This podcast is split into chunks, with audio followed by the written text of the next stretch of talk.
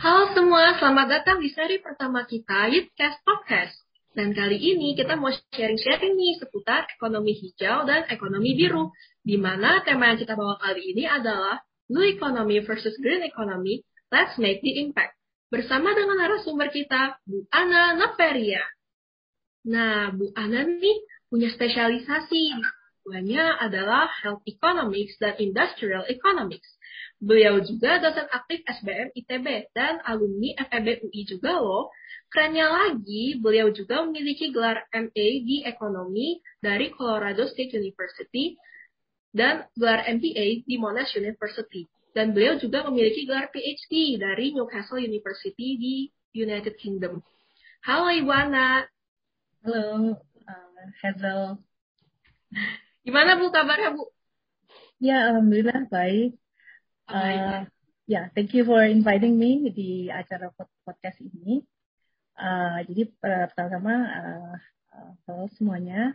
Um, kebetulan tema ini ya uh, sangat sesuai dengan acara yang baru saja saya hadiri. Jadi saya baru uh, hari Minggu kemarin itu baru kembali dari uh, ada acara side eventsnya G20, uh, yaitu pertemuan oh ya ada pertemuan finance ministers and central bank governors uh, of the G20 countries ya di mana uh, itu uh, ada meeting uh, khusus ya uh, mereka dari finance ministers itu dan membahas tentang sustainable finance uh, dan juga dari uh, central bank itu uh, mereka uh, policy mixnya sudah mulai meng, sudah menginclude ya uh, green economy gitu. Jadi saya rasa ini topik yang very very relevant dan juga uh, uh, ya saya senang sekali ya di invite untuk mengisi acara podcast ini. Thank you. Berarti masih fresh banget lah ya Bu yang topiknya Bu. Iya masih fresh banget. Uh, uh, dan juga um, mungkin sedikit tentang background saya tadi ya. Jadi uh, ya saya uh, kebetulan saya uh, graduated dari FEB UI uh, sebetulnya undergrad saya adalah manajemen ya, finance management. Uh, kemudian saya mengambil MBA ke Monash dan masih finance. Uh, tapi kemudian untuk uh, PhD ya, jadi saya waktu itu mau, saya waktu mau melanjutin studi itu, saya uh, sudah uh, saya perlu pindah ke economics gitu ya. Jadi saya mau ambil economics saya uh, ada degree MA, ya dari Florida State University sudah saya udah mulai ambil economics dan kemudian PhD juga di economics ya di dan di health economics dan juga industrial tadi industrial. Sebelumnya Bu, uh, saya juga berterima kasih Bu karena Ibu udah mau datang ke podcast kita kali ini. Uh, kan itu tadi bilang spesialisasi Ibu kan di health economics dan industrial economics ya Bu. Itu ya. kenapa sih Bu? Uh, apakah ada pengalaman-pengalaman yang buat Ibu tertarik gitu sama health economic sama industrial economic? Iya, uh, ya. Uh, untuk health economics ya karena um, sangat uh, ini ya. Jadi dari pengalaman saya uh, waktu itu ketika saya studi di Australia gitu ya, terus saya uh, suami PhD ke Jepang dan kemudian saya studi di US dan uh, di UK itu uh, health economics itu menjadi uh, hal yang sangat penting sekali ya di uh, bagaimana gitu ya uh, sebuah negara mengelola healthcare-nya gitu ya healthcare-nya. Itu karena uh, saya menemukan hal yang sangat ekstrim misalnya ya di di US dengan di negara-negara Eropa gitu ya seperti UK uh, karena perbedaannya sangat-sangat luar biasa ya. Di, di Indonesia juga um, kita juga sudah cukup maju ya ketika ada uh, dari mulai zamannya Presiden SBY ya. Yeah. itu dari Pak SBY itu udah ada uh, yang jaminan uh, apa namanya JKN itu ya jaminan kesehatan nasional. Jadi dimulainya BPJS itu kan di tahun 2014 ya. Bagaimana uh, health coverage itu menjadi sangat penting karena itu akan mempengaruhi kesejahteraan dari uh, warga negaranya gitu ya. Karena biaya biaya kesehatan itu biaya berobat apalagi kalau udah dirawat operasi itu kan sangat-sangat besar ya. Bisa sangat membebani membebani dari masyarakat. Jadi kalau uh, kalau healthcare itu dikelola uh, dikelola oleh negara gitu ya seperti di negara-negara Eropa jadi dibayar melalui pajak ya jadi uh, lewat subsidi gitu ya. Jadi uh, yang penduduk yang miskin itu mendapat subsidi uh, salah satunya dari teks ya sebagian besar dari teks nah itu adalah konsep yang dianut oleh negara-negara Eropa gitu ya. Ya sementara kalau yang di US itu uh, sistemnya lebih uh, lebih private gitu ya. Jadi kalau orang mampu bisa bisa men mengakses healthcare yang uh, proper sementara orang miskinnya itu tidak bisa. Jadi ada gap yang sangat besar gitu ya. Jadi itu kenapa saya sangat tertarik. Dan di Jepang juga ya di Jepang itu health coverage-nya juga sangat-sangat uh, baik ya terutama uh, untuk mulai dari anak-anak gitu ya. Jadi dari anak uh, kecil itu ya semua apa pun mau pergi ke dokter, mau dirawat semuanya kosnya itu 500 yen, yaitu 50 ribuan gitu ya atau 60 ribu. Jadi kalau saya ngerasain anak saya pernah dirawat kebetulan di Jepang kena Kawasaki disease jadi ya flat gitu ya dirawat kita nggak perlu worry mikirin uh, karena si IV yang buat uh, apa infusnya itu kan mahal sekali ya kalau kalau tidak harus bayar gitu ya. Kalau itu kan dirawat ya cuma bayar 500 yen satu malam gitu. Jadi saya impress sekali dengan uh, healthcare di negara-negara yang punya konsep welfare tadi ya seperti Jepang, uh, Eropa termasuk UK itu uh, apa pun itu di cover gitu ya. Kalau memang perlu ya. Jadi misalnya uh, teman saya jatuh lututnya perlu diganti jadi knee replacement itu free gitu ya dan mereka akan prioritaskan kalau uh, kalau itu memang urgent gitu. Jadi nanti ada sistemnya kan ya menunggu gitu ya. Jadi yang urgent akan didahulukan. Jadi itu yang akan membuat masyarakatnya jadi uh, tenang sehat gitu ya. Uh, dan juga in the future uh, Indonesia juga ke arah sana BPJS kita ya, uh, BPJS kesehatan. Jadi uh, penyakit yang di cover adalah bukan yang disebabkan oleh kesalahan orangnya sendiri, misalnya karena smoking gitu ya.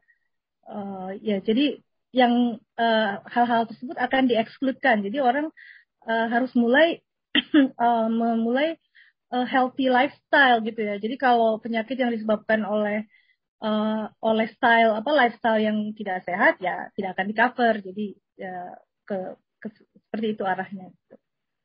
Jadi keren juga sih ya Bu sebenarnya karena uh, dengan secara tidak langsung kan pemerintah mau mengajak rakyatnya untuk hidup sehat gitu kan ya Bu.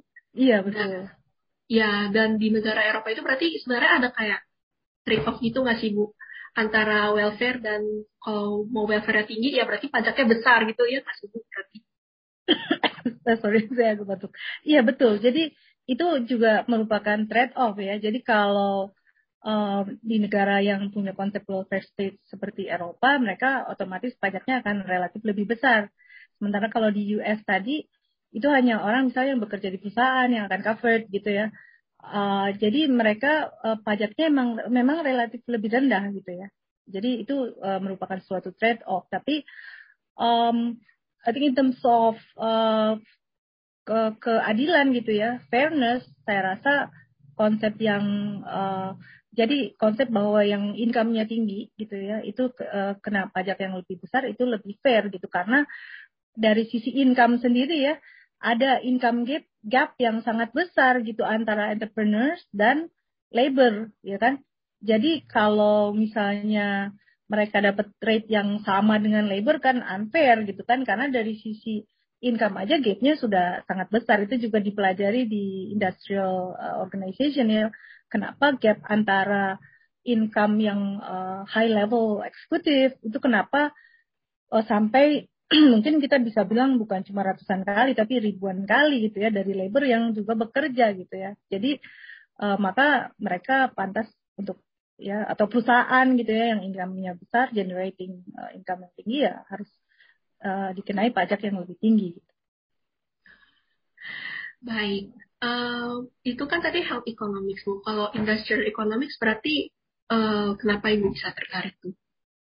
Oh ya, uh, jadi kalau dari sisi industrial economics karena saya awalnya juga dari uh, dari bisnis ya, dari yeah. uh, manajemen bisnis uh, bisnis economics dan itu uh, memang saling uh, punya interlinkage yang sangat sangat uh, kuat gitu ya. Jadi kalau dari sisi industrial itu uh, bagaimana uh, bisnis itu beroperasi uh, dengan uh, mendukung juga sustainability gitu ya. Jadi bagaimana bisnis itu tidak uh, overexploiting gitu ya, tidak over exploiting baik dari sisi labor dan juga uh, ke lingkungan gitu ya. Dari sisi ke lingkungan tidak merusak lingkungan, terus dari sisi kompetisi juga uh, fair gitu ya. Ada kompetisi yang fair antara bisnis. Jadi tidak ada uh, perusahaan yang mempunyai power yang lebih karena some firms have more power gitu ya, some have some monopoly power. Tapi mereka uh, tetap harus uh, compete secara uh, secara fair. Jadi tidak mengeksploitasi uh, powernya. Uh, jadi dari sisi industrial organization atau industrial economics itu saya uh, mempelajari tentang competition gitu bagaimana uh, kompetisi itu dibuat uh, ya jadi misalnya di uh, misalnya di negara kita ada ada yang namanya KPPU gitu ya Komisi uh, Pengawasan Persaingan Usaha. Jadi persaingan usaha ini harus uh, harus diawasi gitu ya harus fair gitu. Jadi kira-kira intinya industrial uh, organization atau ekonomi itu seperti itu. In short ya.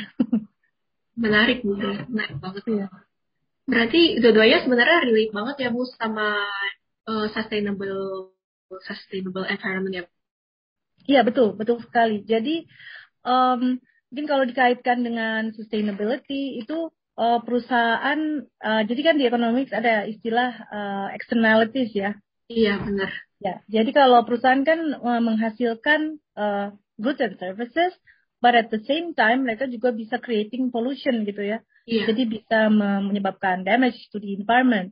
Nah, bagaimana uh, caranya gitu ya? Jadi kalau ada negative externalities berarti uh, misalnya uh, perusahaan creating pollution ke air atau ke air gitu. Berarti ada uh, istilahnya itu ada yang namanya overproduction. Jadi sebenarnya mereka itu uh, lebih terlalu they create atau produce too much ya, too much of their product, their goods and services. Jadi bagaimana caranya adalah harus diturunkan ya kan, caranya dengan di tax. Jadi mereka harus di tax untuk uh, untuk mengurangi produksinya supaya mengurangi polusinya gitu ke ke masyarakat. Karena kan mungkin kita misalnya pabrik berproduksi uh, creating goods gitu ya, uh, tapi yang limbahnya itu kan ya limbah yang mereka create itu kan nggak dinilai kan sebetulnya nggak dinilai sebagai suatu uh, bad gitu ya istilahnya di ekonomi ada good ada bad ya sesuatu yang negatif nah uh, sementara itu akan terus menerus merusak lingkungan kan nah nah mereka harus di tax untuk si bad yang mereka create itu gitu ya jadi supaya mereka tidak over producing gitu ya jadi supaya produksinya bisa ditekan otomatis limbahnya atau polusinya juga bisa dikurangi gitu. Jadi tadi men-taxing suatu negative externalities. On the other hand, ada yang namanya positive externalities. Tadi contohnya misalnya di health gitu ya. Health itu kan uh, mungkin di adik tambahan ya kenapa saya tertarik health karena health itu adalah ya di negara-negara yang kita lihat sekarang itu maju superpowers di US ya US uh, Jerman uh, Jepang gitu ya itu adalah UK adalah negara-negara yang mereka itu maju karena investasinya dahulu itu adalah di health and education gitu ya. Mereka improving uh, health and education itu sudah ratusan tahun gitu ya. Jadi uh, bagaimana mereka invest di pendidikan school semua free gitu. Dari ya dari TK, SD, SMP, SMA free kan semua public school itu free. Jadi semua masyarakat bisa mengenyam pendidikan dengan free, pendidikan yang berkualitas baik gitu ya. Berkualitas baik akhirnya mereka menghasilkan generasi yang uh, yang yang smart, yang uh, produktif ya. Jadi yang ya produk produktif ya. Jadi mereka negara-negara maju ini seperti Jepang, Eropa, Amerika itu mereka punya produktivitas yang tinggi. Jadi labornya atau pekerjanya itu workersnya punya produktivitas yang tinggi karena mereka itu dari sisi uh, educationnya bagus, healthnya juga bagus. Jadi dari kecil diberi nutrisi yang cukup gitu ya, nutrisi yang baik ya, yang baik sehingga mereka bisa menjadi uh, ya menjadi seperti sekarang ini dia, dia smarter gitu ya. Uh, mereka lebih produktif, punya etos kerja yang lebih baik itu. Kalau Jepang misalnya mereka kirim paket itu mereka itu ininya lari standarnya. Jadi mereka pencet dari mulai keluar mobil, pencet berapa detik mereka lari uh, untuk sampai ke mencet bel lagi dari yang dia tuju gitu ya. Jadi seperti itu ya. Jadi yang namanya uh, makanya health dan uh, education gitu ya. Education itu menjadi uh, yang paling utama sebetulnya kalau negara mau maju. Jadi tadi kenapa tadi uh, saya sebut uh, education itu tadi karena uh, sebagai positive externalities kalau kita um, apa namanya charge pendidikan itu education itu akan under uh, underproduce gitu ya. Jadi kurang kan sebetulnya orang-orang yang dididik maksudnya ya yang masuk ke dunia pendidikan. Nah, berarti bagaimana caranya suatu uh, positive externalities ini harus disubsidize gitu ya. Makanya kenapa uh, kita juga di Indonesia udah ada sampai nine years education ya uh, compulsory itu juga salah satu riset saya waktu PhD jadi um, mungkin ke depannya uh, jadi educationnya tuh free-nya lebih mungkin sampai SMA gitu ya karena di di India gitu ya saya uh, apa ketemu teman-teman di sana mereka itu free ternyata educationnya makanya India kan walaupun uh, despite mereka punya 1.3 billion people gitu ya population, tapi uh, mereka sudah ke arah maju kan ya. India itu sudah mulai maju, apalagi IT-nya gitu. Saiful banget Bu. Keberhasilan suatu negara itu adalah meningkatkan sumber daya manusia itu sendiri ya Bu ya, terutama dari pendidikan dan kesehatan. Iya betul. Nah, uh, sebelum kita lanjut nih Bu lebih dalam Bu, ini kita udah mulai sedikit jengkel-jengkel ekonomi biru dan ekonomi hijau. Iya. Uh, mungkin saya kita boleh ngobrol dikit Bu soal ekonomi itu sendiri, karena beberapa orang kan kadang uh, mikirnya ekonomi itu tentang ilmu yang tentang uang, uang, uang, uang, uang. Nah, menurut Ibu sendiri itu ekonomi apa ya Bu? Okay. Ya, jadi basicnya ya uh, yang uh, economics itu adalah uh, ilmu yang mempelajari tentang scarcity, ya, scarcity of resources. Uh, jadi di sini um, sudah kita sudah menyentuh tentang uh, resources juga sustainable sustainability ya, sustainable resources.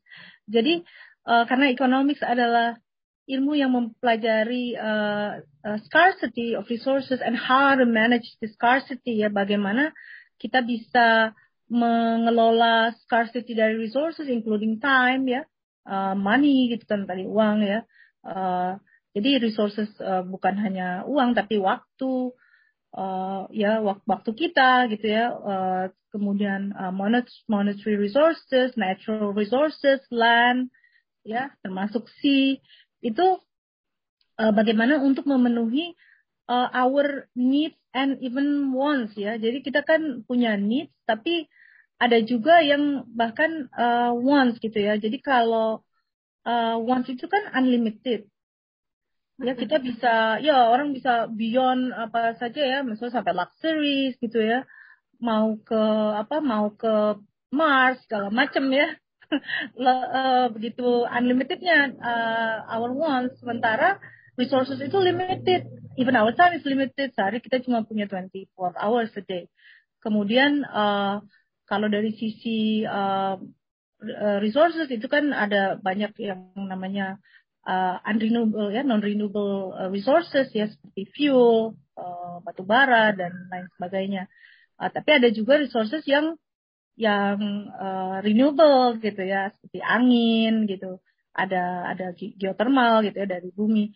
Tapi kalau yang uh, yang limited uh, tadi ya yang non renewable maka kita harus bisa uh, mengelola dengan um, ya dengan uh, sangat hati-hati gitu ya. Uh, bagaimana mengelola resources yang hanya uh, terbatas itu, bagaimana kita mengelola supaya tidak uh, cepat habis gitu ya.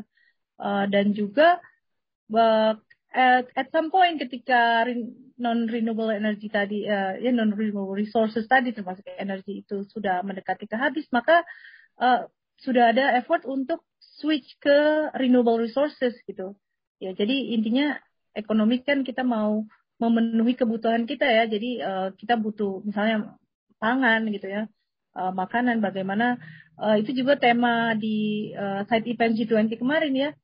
Uh, kalau dulu kan food security, kemarin temanya udah food insecurity gitu. Karena sudah ada ancaman gitu ya kita akan kehabisan sumber-sumber dari uh, food gitu. Jadi kita harus uh, sangat uh, apa namanya wise gitu ya dalam mengelola resources tadi untuk memenuhi kebutuhan dan wants kita.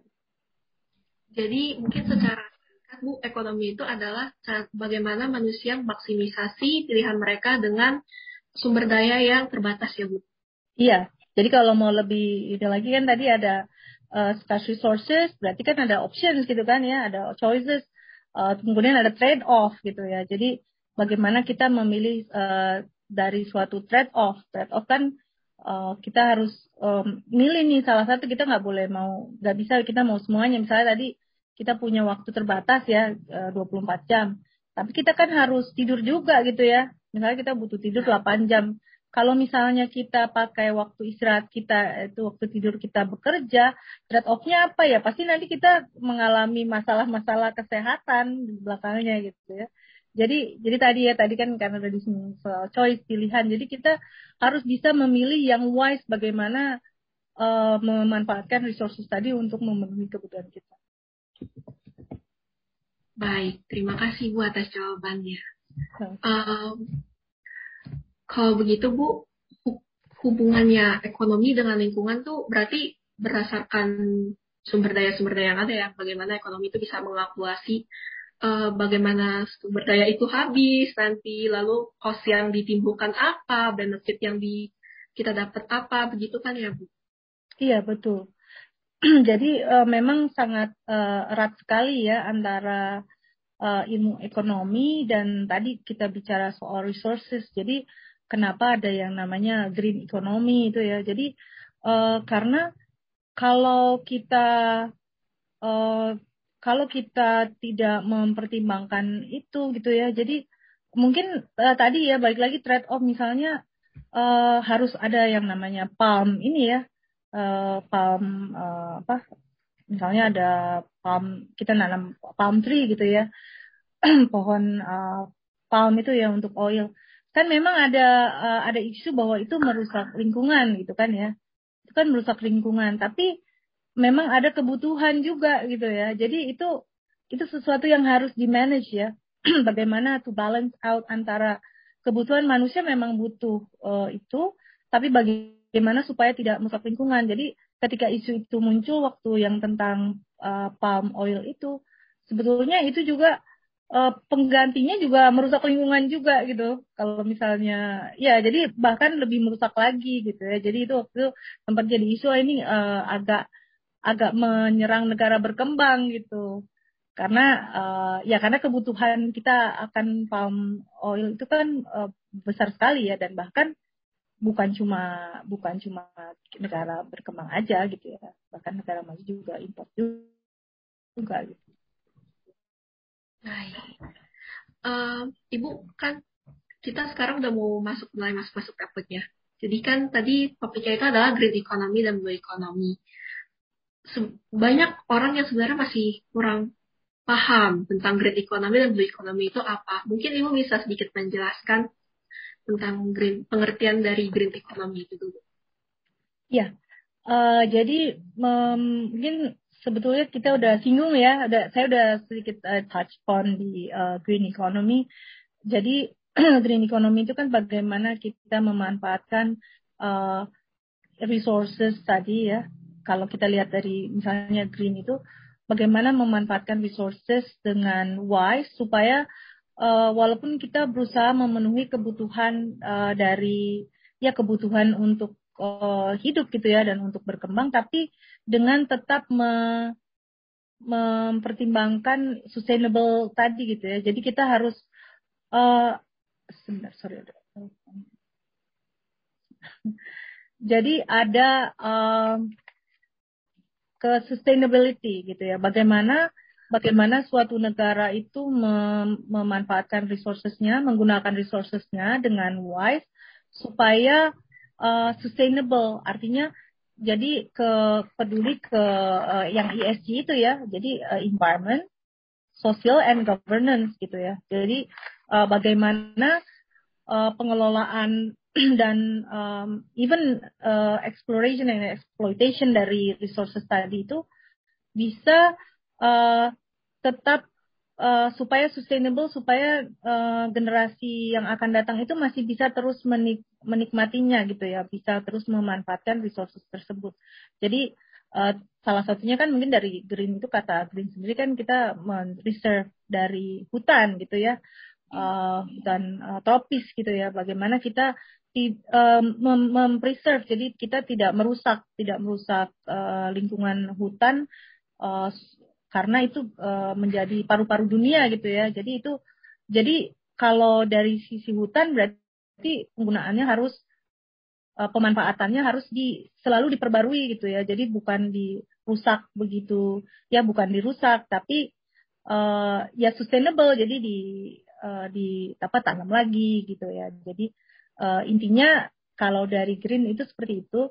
Jadi kita mempreserve the hutan hujan tropis kita ya negara-negara yang mempunyai hutan hujan tropis uh, dan juga untuk sustainable development ya. Jadi supaya tadi ya generasi yang akan datang masih bisa terus menikmatinya gitu, memanfaatkannya gitu perbedaannya sama blue economy itu sendiri apa Bu? Ya, uh, jadi kalau blue economy ini kan lebih uh, lebih baru ya, walaupun bukan hal yang baru gitu ya.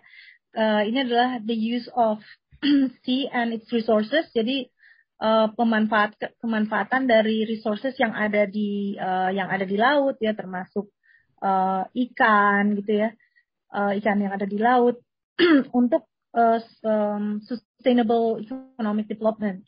Jadi uh, ini adalah uh, bisa juga disebut um, dari maritim sektor gitu ya sektor maritim.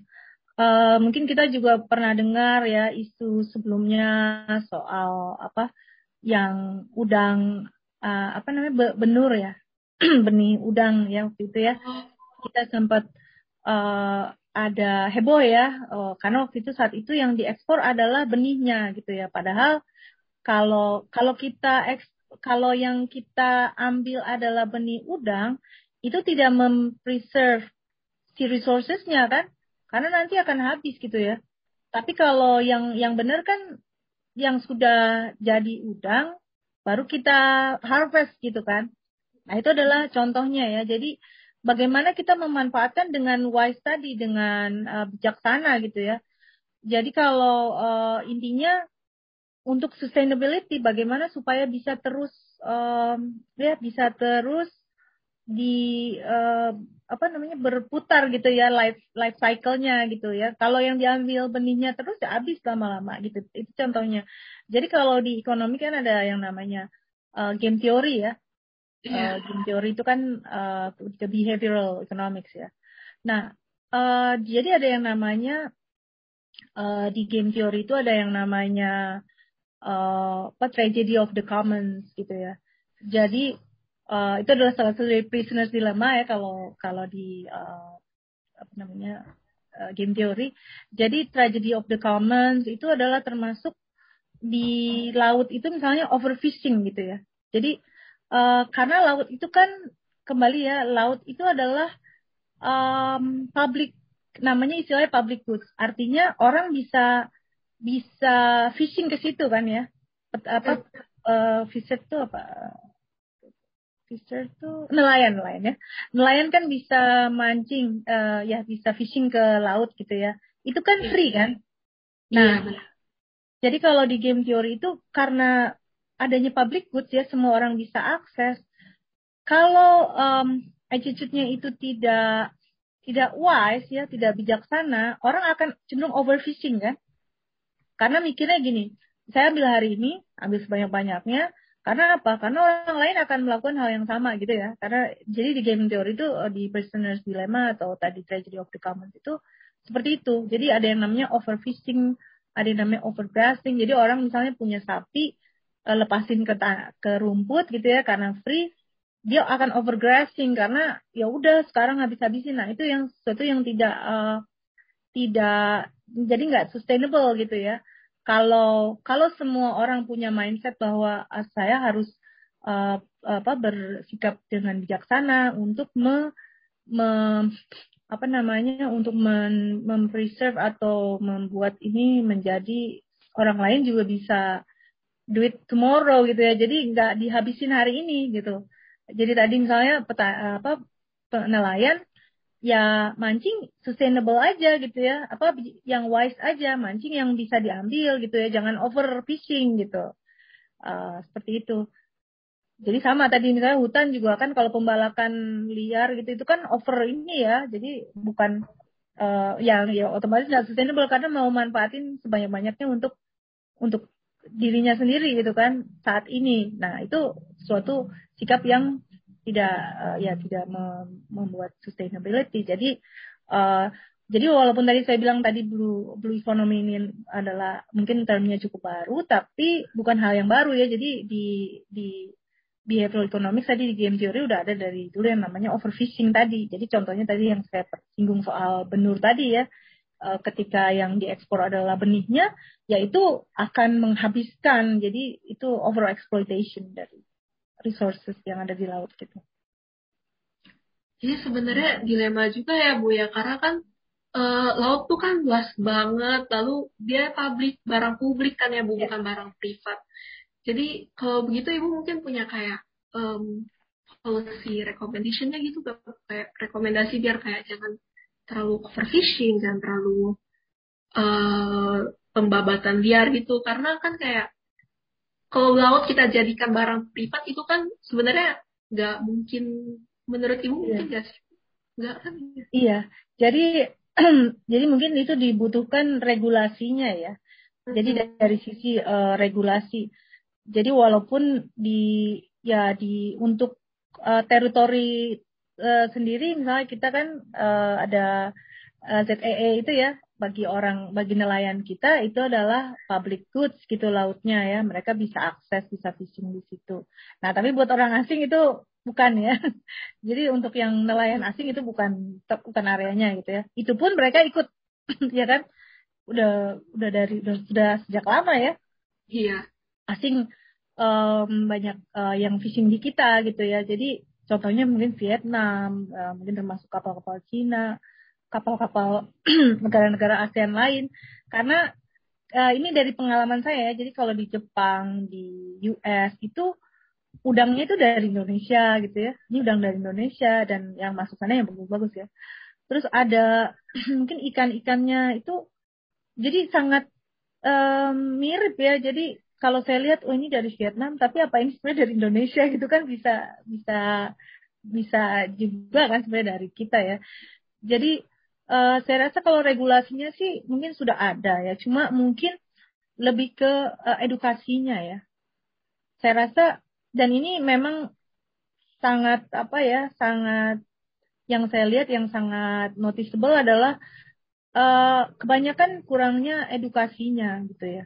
Jadi uh, kurang jadi regulasi udah ada kurang edukasi dan law enforcementnya juga yang belum gitu ya. Mungkin belum uh, kuat ya. Jadi mungkin lebih ke enforce law yang uh, regulasi yang sudah ada. Jadi kalau di kita kan ada kementerian ada maritim ya ada menko maritim ya. Jadi mungkin dari uh, perannya gitu ya untuk uh, uh, yang lebih di, ditegaskan aja sih menurut saya. Jadi karena uh, kalau masyarakat memang yang mereka butuhkan sih memang edukasi. Karena mereka uh, kemungkinan besar most likely mereka nggak tahu ya regulasi segala macam itu. Cuma kalau mungkin mau ngambil contoh ekstrimnya gitu ya, kalau di negara maju gitu ya, kayak di Eropa, mungkin juga di US. Jadi kalau mancing ya, mancing hobi aja ya, mancing hobi itu nanti ikannya dilepas lagi. Itu adalah uh, contoh ekstrimnya ya. Kita misalnya kita cuma hobi mancing ya, udah kita mancing lepas lagi. Jadi bukan apa bukan diambil karena kan hobi aja kan sebetulnya itu itu salah satunya ya terus uh, ya mereka juga bahkan punya hobi apa berburu gitu ya. Uh, seperti itu. Tapi kalau di memang untuk uh, kebutuhan ya saya rasa perlu menegaskan uh, tentang ya enforcing law-nya tadi aja. Jadi tidak ada ya kan kalau dulu dari dulu dari namanya pukat harimau gitu ya. Bagaimana apa ngambil sampai yang kecil-kecil. Nah itu kan udah ada regulasinya kan. Jadi how to reinforce aja the law gitu supaya supaya mem kita bisa menciptakan tadi ya yang sustainable uh, sustainable apa namanya uh, ya di laut juga di darat gitu ya, ya semua gitu. Tuh ya, jadi ini bisa jadi evaluasi nih teman-teman untuk kita. Karena ternyata perilaku kita, cara kita mengedukasi diri sendiri itu penting banget untuk menjaga lingkungan. Nah, Bu, kalau begitu saya mau nanya soal blue economy dan green economy di Indonesia. Kan blue economy itu sendiri kan berarti kan tadi lebih ke fokus ke laut gitu ya Bu. Sedangkan green economy itu lebih ke hutan. Sedangkan Indonesia itu hutan dan laut itu ternyata banyak luas kan. Berarti potensi Indonesia dalam melaksanakan blue economy dan green economy itu berarti gede banget dong ya Bu. Iya betul betul sekali. Jadi um, dari sisi apa green economy kita uh, hutan hujan tropis kita kan yang yang besar ya kita itu namanya tundra ya. Kemudian dari sisi blue economy kita dua per tiga dari negara kita adalah ocean kan lautan ya.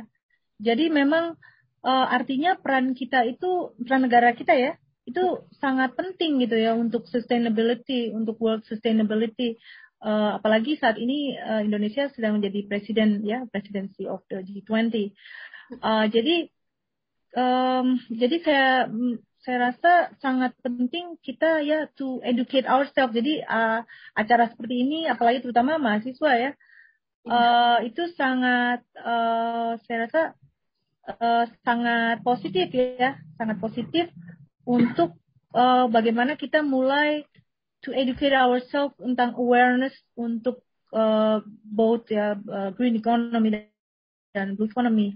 Jadi um, seperti yang saya sampaikan ya di tema-tema dari finance ministers gitu ya dari G20 dan juga dari central bank governors itu uh, memang policy mix-nya itu even the macro prudential policy mix itu sudah menginclude green economy di situ. Jadi uh, sustainable finance ya bagaimana uh, sustainable finance yang mem mempertimbangkan ESG tadi uh, environment, social and governance ya good governance.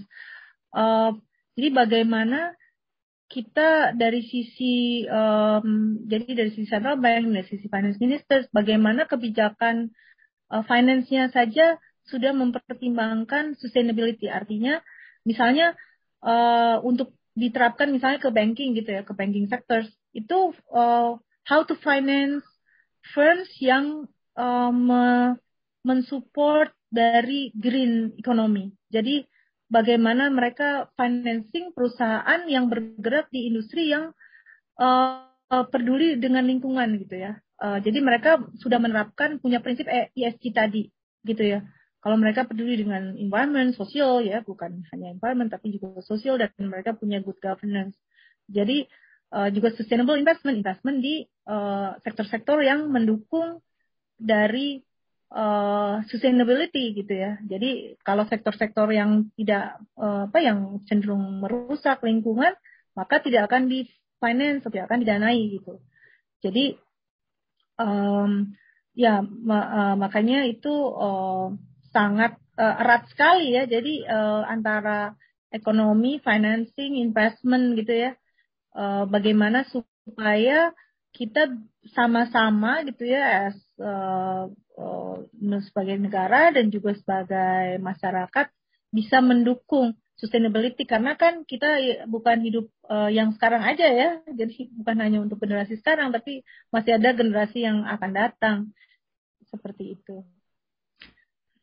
Berarti sebenarnya kalau dari Indonesia sendiri itu policy mixnya itu udah mulai men, udah mulai memasukkan prinsip-prinsip ekonomi hijau dan ekonomi biru itu ya? Iya betul. Iya, jadi oh. salah eh sorry. Enggak, enggak apa-apa, ibu dulu, ibu dulu. Iya, jadi salah satunya yang di uh, di acara di Bali kemarin ya di Nusa Dua itu uh, ada pameran dari uh, Kementerian Keuangan, juga dari Bank Indonesia, dan dari perusahaan yang mempunyai apa, yang bergerak di bidang uh, yang renewable energy ya. Di situ ada uh, jadi uh, pembangkit listrik tenaga angin, cuman namanya bukan PLTA ya, karena udah ada air ya. Uh, apa ya B ya kalau nggak salah. Jadi di Sulawesi, kalau uh, kalian mungkin lihat uh, kayak kincir-kincir angin gitu ya di luar ya di negara-negara maju gitu ya di Eropa di US. Nah itu kan uh, itu kita bisa lihat di ladang-ladang gitu ya kan di tempat yang terbuka ya butuh angin kan untuk uh, untuk pembangkit listrik ya. Itu uh, sudah mulai mereka sudah mulai dari beberapa tahun lalu mungkin dua tiga tahun lalu itu di Sulawesi Selatan. Jadi namanya di Sidrap mereka sudah mulai uh, me, ya membangun gitu ya dari sisi infrastruktur dan sudah mulai jalan, sudah mulai uh, creating power gitu ya dari tenaga angin tadi. Jadi mereka sudah mulai sudah menjual powernya ke mereka bisa jual power ke PLN gitu ya. Jadi sebagai penyedia atau pembangkit gitu ya. Uh, men, penyedia pembangkit atau penyedia power ya bahasa Indonesia-nya apa daya. Ya. Jadi uh, jadi sudah mulai nih di di kita yang pertama itu di Sulawesi gitu ya. Jadi saya uh, saya lihat sudah kita punya harapan besar lah. Artinya kita kan uh, tadi ya kita punya banyak sebetulnya kita punya banyak uh, resources ya dari yang tadi dari sisi laut, dari uh, dari darat juga kita apa hutan hujan tropis itu ya. Dan kita uh, harus uh, optimis kalau kita juga bisa mendukung tadi uh, uh, creating uh, apa sustainable atau re renewable energy tadi ya uh, renewable energy uh, salah satunya yang yang bisa dilakukan adalah misalnya landfill gitu ya. Jadi uh, apa sampah yang bisa di apa dimasukkan ke dalam tanah. Jadi kita uh, kurangi limbah ya dengan dengan seperti itu. Jadi udah dipisahkan kita bisa memadatkan tanah gitu. Istilahnya uh, landfill dengan uh, sampah. Dan dari sisi um, ya dari sisi um, penggunaan misalnya plastik itu kan juga udah lama ya kita sudah udah kurangi gitu ya dengan menggunakan bag ya uh, apa shopping bag yang bukan dari plastik gitu jadi bagaimana kita bisa uh, mendukung gitu ya dari mulai hal yang kecil gitu ya nggak buang sampah sembarangan. Nah, saya rasa sampah ini juga adalah masalah yang ya yang sangat penting juga untuk dibenahi ya. Begitu Bu, kan tadi berdasarkan uh, penjelasan Ibu itu kita butuh perkembangan perubahan teknologi itu ya Bu ya kayak perkembangan teknologi yang besar dan butuh riset yang banyak juga Bu mengenai hal-hal kayak gini. Sedangkan sebenarnya masalah di Indonesia itu adalah uh, eh, R&D Indonesia sebenarnya masih kurang kan ya Bu ya. Saya waktu saya pernah baca-baca itu cuma sekitar 0,25 persen dari GDP Indonesia itu sendiri. Nah itu menurut Ibu masih masih masih memungkinkan nggak sih Bu bagi Indonesia untuk melaksanakan blue economy dan green economy? Iya, that is a very good question. Jadi um, memang betul ya kita dari sisi investasi di uh, R&D-nya itu sangat rendah ya, relatif rendah. Bahkan mungkin kalau mau saya hubungkan ke spending di apa di health juga rendah gitu ya. Jadi uh, apalagi R&D gitu. Uh, sementara kalau kita mau berkembang kan ya mau maju itu kan kita harus mengembangkan risetnya ya uh, research and development. Jadi uh, mungkin dari sisi itu um, kita bergerak ke arah improving itu ya berusaha negara kita ya improving itu dengan adanya misalnya dengan BRIN gitu ya mereka uh, banyak me, apa namanya meng, mengeluarkan riset-riset ada menginvite ke kolaborasi dengan uh, akademisi gitu ya untuk dengan universitas dengan kampus-kampus untuk meningkatkan uh, riset di Indonesia walaupun ma memang masih masih rendah gitu ya tapi uh, arahnya adalah uh, akan di, diperbaiki ya, improve. Jadi akan lebih banyak riset-riset. Nah tadi kalau misalnya kita hubungkan dengan uh, teknologi yang dibutuhkan untuk uh, misalnya tadi renewable energy, karena karena ini udah karena teknologinya memang sudah ada ya, sudah ada di luar. Jadi uh, saya juga tanya itu ternyata memang perusahaan jadi US ya, perusahaan US yang ada di Indonesia. Jadi memang kita adopting aja gitu ya. Jadi kita adopt aja, kita tinggal adopt dan pakai gitu ya. Um, sementara walaupun kita tetap harus mengencourage riset di dalam negeri karena banyak juga riset yang uh, mungkin lebih relevan gitu ya konteksnya uh, untuk negara kita gitu ya. Misalnya uh, ada juga banyak uh, mungkin akademisi termasuk di SDM juga yang mereka involved misalnya pengelolaan sampah gitu ya. Jadi mendukung uh, banyak ide-ide kreatif dari anak-anak muda sekarang gitu ya atau mungkin startup yang ngurusin sampah gitu. Jadi uh, saya rasa kita bisa mulai dari yang kecil ya. Sementara untuk teknologi yang sudah high itu yang sudah high teknologi itu kita bisa adopsi dari luar gitu ya bisa langsung adopt lah ya kita implement di sini seperti itu tapi kalau yang uh, sangat uh, relevan apa namanya lebih relevan yang kita uh, lokal gitu mungkin kita bisa ada banyak dari anak anak-anak bangsa kita sendiri gitu. Jadi bisa disimpulkan bahwa untuk mengejar ketertinggalan kita di bagian research and development, kita bisa mengadopsi teknologi di negara-negara maju. Tapi kita juga bukan berarti kita, kita juga harus mengajak mendukung uh, riset di negara kita untuk untuk menghasilkan temuan-temuan yang relevan gitu untuk negara kita. Yeah. karena negara beda negara beda beda kondisi beda penanganan juga. Iya kan bu? Iya betul. Jadi jadi ada banyak uh, riset-riset yang bisa uh, riset inovatif gitu ya dari hmm. uh, dari anak-anak bangsa kita sendiri. Jadi mungkin ke, kalau lihat yang sebelumnya waktu ya covid ya walaupun belum selesai ya. Jadi di tahun tahun lalu juga um, ada misalnya dari UI gitu ya dari UI sendiri kan ada uh, riset yang apa menghasilkan uh, ventilator gitu ya dari buatan dari UI gitu dari teknik UI ya ke sama dengan kedokteran gitu juga di ITB jadi ada ada juga inovasi yang uh, ya kita mulai dari yang nggak nggak butuh kos yang besar dulu gitu ya. Karena karena balik lagi kos itu constraint kan. Kita memang ada masalahnya memang di cost gitu ya. Maka uh, kenapa uh, kenapa investasi di R&D masih cukup rendah gitu. Tapi uh, harapannya in the future itu in terms of uh, proportion ya percentage bisa lebih ditingkatkan gitu. Karena ini adalah uh, adalah hal yang penting gitu ya. Karena uh, riset itu adalah hal yang penting. Kalau enggak uh, akhirnya kita mungkin uh, akan terjadi brain drain gitu ya. Jadi orang-orang yang uh, misalnya mereka nggak kepakai di sini skillnya karena nggak ada alatnya gitu ya nggak ada dananya mereka akan jadi researcher di luar gitu itu kan juga banyak terjadi ya jadi uh, kenapa mereka kalau pulang ya nggak akan kepakai ininya uh, skillnya mereka nggak akan kepakai karena nggak ada alatnya gitu. Jadi ini contoh real ya. Jadi saya punya teman yang di di UK, teman orang Indonesia uh, dari MIPA ya. Di sana kan mereka di lab, lab itu kan semuanya boleh dipakai gitu karena buat riset kan. Sehari-hari ya semua aktif sekali gitu ya alat-alatnya dipakai.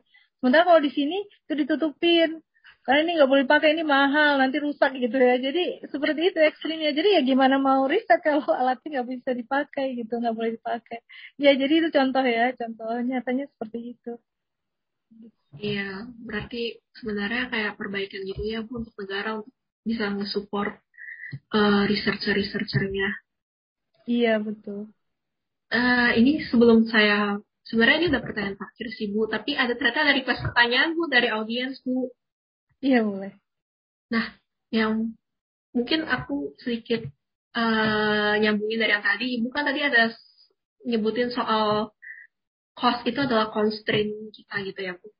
Jadi kalau mau kalau sebuah perusahaan untuk mengimplement ekonomi hijau itu sendiri justru butuh biaya yang mahal. Nah, itu pendapat Ibu gimana ya, Bu? Apakah apa pandangan Ibu soal ekonomi hijau untuk usaha itu sangat risiko rugi di awal-awal karena memakan biaya yang mahal? Oke. Okay. Iya, jadi uh, sebetulnya it depends ya. Uh, malah justru um, mungkin menurut saya nggak banyak ya justru yang uh, green itu butuh biaya besar karena uh, dalam uh, saya rasa ya dalam event ini sudah dipraktekkan misalnya contohnya oleh perusahaan sebesar seperti IKEA gitu ya.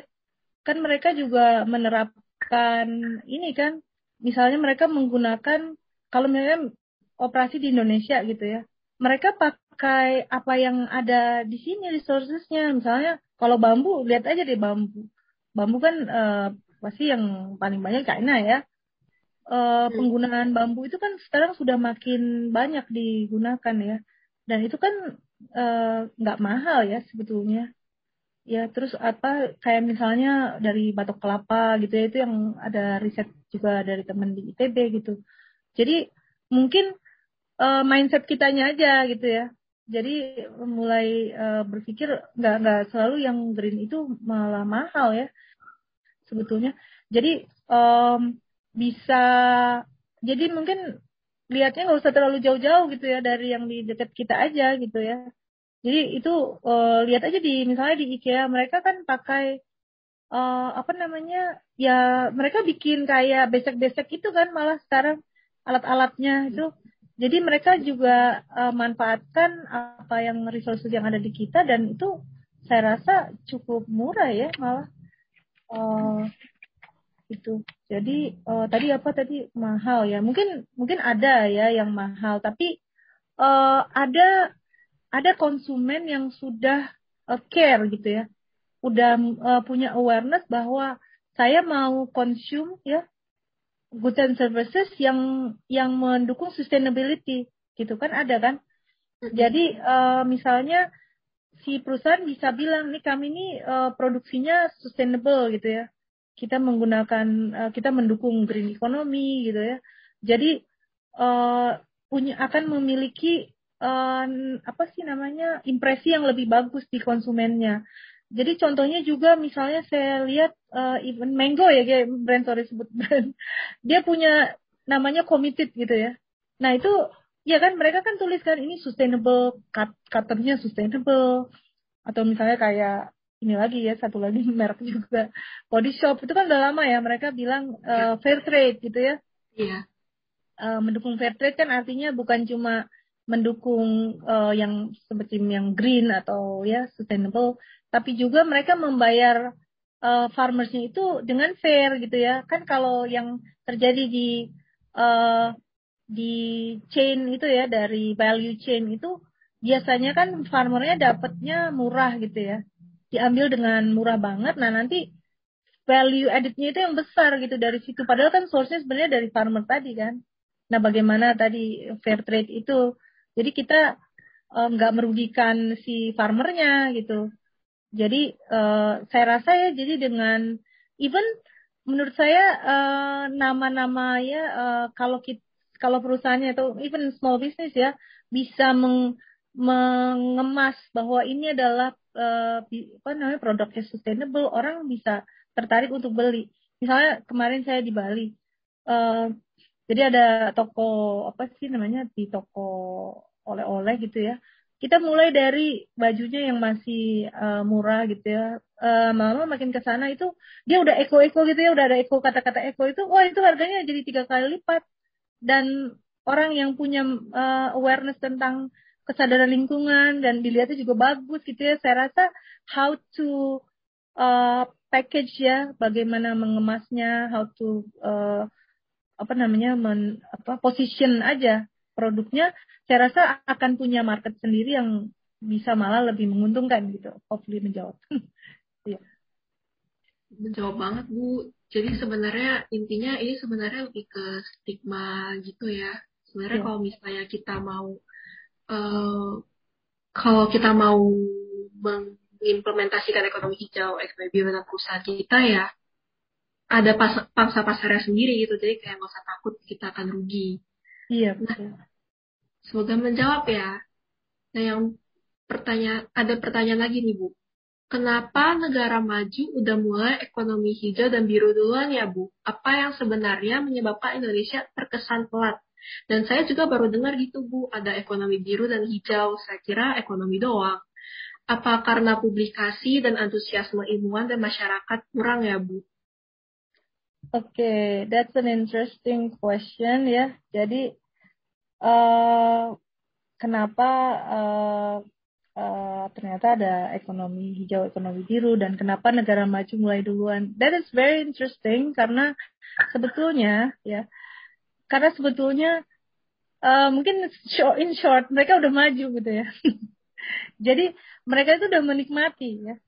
Mereka udah menikmati uh, dari mungkin kalau kita mulai dari saya nggak tahu waktunya ya hopefully cukup ya. Jadi dari mulai dari first industrial revolution ya mereka udah mulai uh, dari sebetulnya kan semuanya bermula dari uh, tekstil dari farming ya dari mereka uh, cotton ya farming cotton uh, terus uh, dari handicraft ke ke ini ya ke factory gitu ya mereka penggunaan uh, teknologi dari water dan uh, apa namanya uap ya uh, steam jadi steam engine itu kan dimulainya di uh, England ya, dimulai di uh, England tahun 1784 itu ya, abad ke-18. Jadi mereka udah uh, udah mulai dari banyaknya pabrik, uh, over exploitation of workers gitu ya. Mereka menggunakan banyak workers untuk uh, untuk produksinya. Kemudian diikuti dengan ke kedua uh, second itu adalah mass uh, production itu menggunakan uh, mesin ya. Jadi uh, dan sampai yang ketiga itu ya dari IT gitu ya penggunaan IT kemudian yang terakhir yang terakhir adalah uh, uh, smart system ya jadi penggunaan um, smart factories gitu ya nah di situ uh, sudah mulai fokus ke sustainability jadi yang keempat ini ya dengan uh, smart system penggunaan uh, ada IoT AI big data itu uh, mereka uh, sudah uh, sudah mulai memikirkan sustainability. Ini kenapa mereka negara maju justru malah mulai duluan. Karena mereka sudah menikmati dari first, second, third industrial revolution yang mereka dari otomasi gitu ya, pe, uh, penggunaan robot gitu. Itu mereka sudah sebenarnya sudah creating pollution gitu ya, sudah merusak ya, sudah melakukan uh, contribute to the damage to the environment. Makanya mereka peduli gitu ya Makanya kenapa mereka mulai duluan? Ini kita udah merusak lingkungan sebenarnya. Ya kan mereka udah uh, producing karbon udah banyak sebetulnya. Nah, terus uh, mungkin kita kalau balik lihat itu tadi ya, kok tiba-tiba kita masih berkembang udah harus green gitu. Nah, itu mungkin bisa to some extent dianggap unfair dong. Kita baru mulai disuruh ngerem sebenarnya gitu ya intinya. Baru mulai kok udah disuruh ngerem, tapi ya karena kita memang uh, bagaimanapun kita harus care terhadap uh, ya bangsa kita sendiri juga ya karena ya mau nggak mau karena memang udah resources sudah makin depleted makin berkurang jadi kita harus peduli uh, sama yang namanya green economy dan juga tadi blue economy karena karena laut itu ber uh, ya laut ya ocean di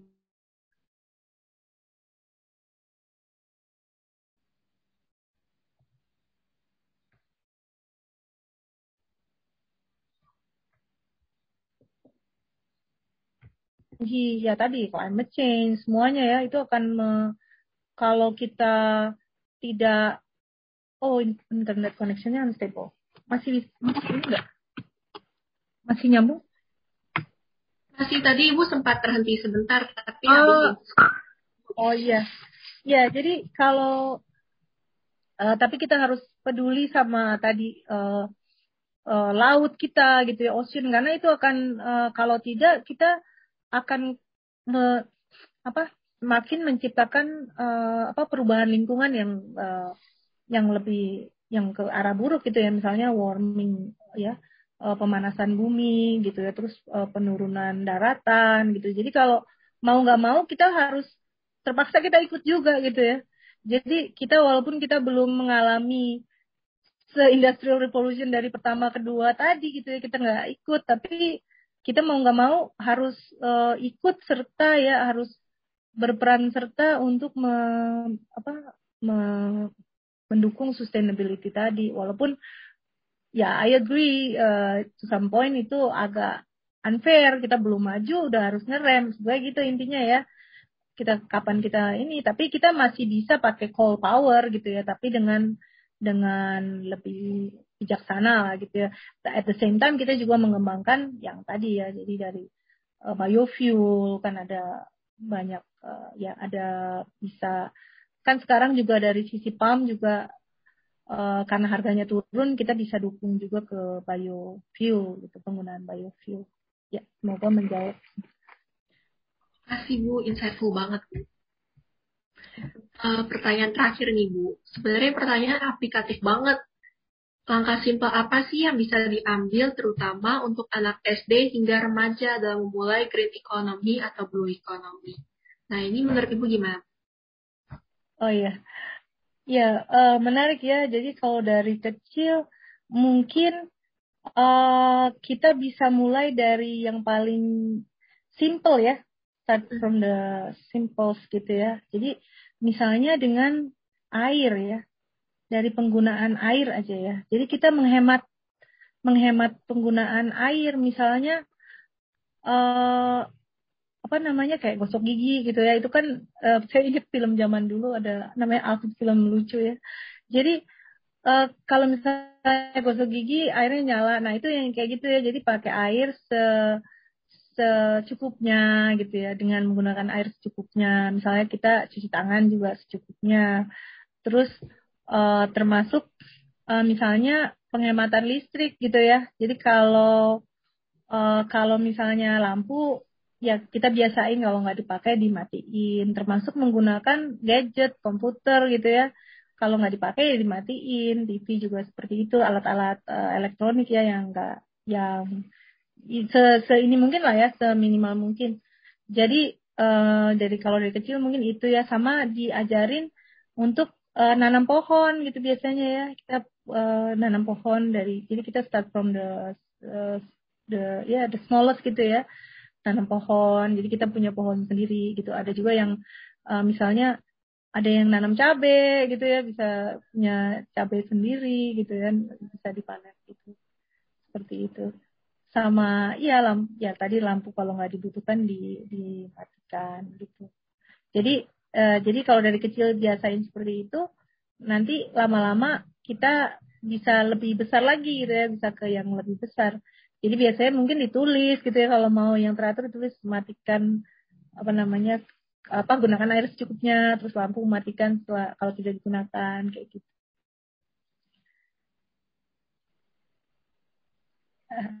Ya, jadi banyak banget ya langkah-langkah kecil yang bisa kita lakukan kalau ibu, oh ya ibu udah balik eh. Iya. Oh, iya. betul, betul. Ya, jadi banyak banget ya Bu ya langkah-langkah yang kecil yang bisa kita lakukan. Bukan kita aja, eh, bahkan anak-anak kecil juga mulai dari nanam pohon, lebih mindful tentang penggunaan listrik, penggunaan air, dan semoga langkah-langkah itu tuh bisa berubah jadi habit kita dan kita bisa lebih uh, melakukan langkah-langkah besar di kemudian harinya. Nah, yeah. sebagai sebagai pernyataan penutup, Ibu mungkin punya pesan-pesan yang bisa disampaikan kepada generasi muda untuk mereka bisa apa ya, untuk mereka bisa lebih menyelamatkan lingkungan, lebih antusias soal yang namanya ekonomi hijau, ekonomi biru. Iya, jadi uh, uh, mungkin kalau ya to wrap up ya, saya rasa sederhana aja ya. Jadi uh, mungkin balik ke konsep uh, ekonomi ya dari ekonomi itu apa sebetulnya ya. Jadi kita kan uh, mulai dari bahwa ekonomi adalah ilmu uh, yang mempelajari uh, scarcity ya, jadi resources yang terbatas, how to manage the scarcity untuk memenuhi kebutuhan kita. Jadi uh, kebutuhan needs and wants ya, bukan hanya needs tapi juga wants. Nah, jadi uh, mungkin untuk generasi muda, mahasiswa dan generasi muda lainnya bahkan sampai ke anak kecil ya. Jadi kita harus bisa wise untuk uh, tidak terlalu banyak wants-nya gitu ya. kita mungkin pingin maunya banyak kan ya sebetulnya ya. Kan kayak misalnya kita mau ke yang apa ya orang kalau yang mampu ya ke Mars gitu ya mau pingin ke Mars pingin ke bulan ke mana. Tapi itu kita harus sadar itu tuh sebetulnya wasting resources kan. Iya kan? Iya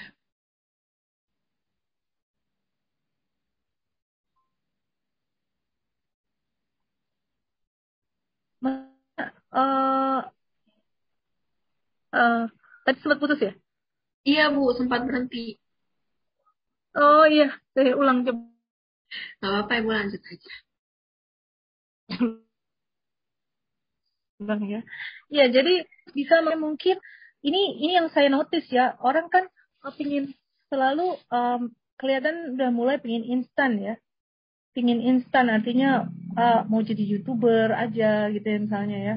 Gak perlu sekolah itu yang saya tangkap ini ya ada kesan ada ada kesan seperti itu jadi ingin instan, makanya banyak yang kena misalnya yang binomo trading apa itu karena kita maunya instan. Padahal uh, semuanya ada trade off ya, ingat ya di ekonomi semua ada trade off. Jadi itu tuh semuanya hanya zero sum game. Jadi kalau ada yang untung ada yang rugi pasti gitu ya. Jadi itu adalah yang game yang zero sum. Jadi akan ada yang dirugikan. Nah sama aja kalau misalnya kita pingin uh, jadi pingin instan tuh mungkin oh saya ingin ikut apa sih SpaceX gitu ya Nah, padahal itu kan sebenarnya wasting resources kan. Termasuk misalnya orang yang mining Bitcoin itu ya. Uh, mining Bitcoin itu kan menghabiskan banyak resources untuk miningnya itu sampai dia dapat. Itu kan menghabiskan energi yang besar. Itu such a waste gitu ya. Itu nggak perlu. Jadi uh, generasi muda tuh perlu belajar juga apa sih konsekuensinya gitu ya dari suatu wants atau dari suatu aktivitas tadi misalnya kayak mining Bitcoin itu um, menghabiskan energi itu itu such a waste yang uh, unnecessary gitu ya nggak perlu dilakukan. Nah jadi uh, kita bagaimana berpikir yang uh, bagaimana to contribute to the environment gitu ya, bukan yang merusak seperti itu gitu ya. Jadi uh, mungkin uh, lebih ke yang suatu yang produktif ya, yang mungkin mikir yang inovatif, kreatif gitu, bagaimana bisa mendukung lingkungan. Tadi uh, contohnya ada banyak generasi muda yang udah misalnya involve di uh, misalnya di pengolahan sampah atau uh, mereka ada juga yang mau ke menjadi uh, farmer tapi yang sustainable farmer gitu ya. Jadi memanfaat apa meng, menggunakan atau mengapply ilmunya uh, bagaimana supaya farmer ini uh, supaya uh, ya bagaimana me, apa namanya sorry saya lupa termnya itu uh, misalnya ber, bertani atau apa ya yang berhubungan dengan uh, pertanian, tapi mereka bisa menerapkan ilmunya supaya itu menjadi uh, produktif dan efisien gitu ya. Jadi bisa bisa berkontribusi pada uh, perekonomian masyarakat gitu. Seperti itu. Jadi mungkin pesannya nggak uh, ada sesuatu yang instan gitu ya. Nggak ada yang instan, no free lunch. Jadi semuanya harus dengan effort gitu ya semuanya harus dilakukan dengan effort jadi saya mungkin contoh dari saya sendiri ya saya dari dulu saya sekolah uh, saya cari beasiswa itu kan harus kompetisi gitu ya misalnya A Fulbright itu saya harus ya kita harus uh, melakukan itu dengan effort jadi nggak ada yang nggak ada yang instan gitu ya nggak ada sesuatu yang instan. Yang ada tadi kalau misalnya itu uh, itu adalah zero sum game. Ada yang untung ada yang dirugikan gitu. Seperti itu.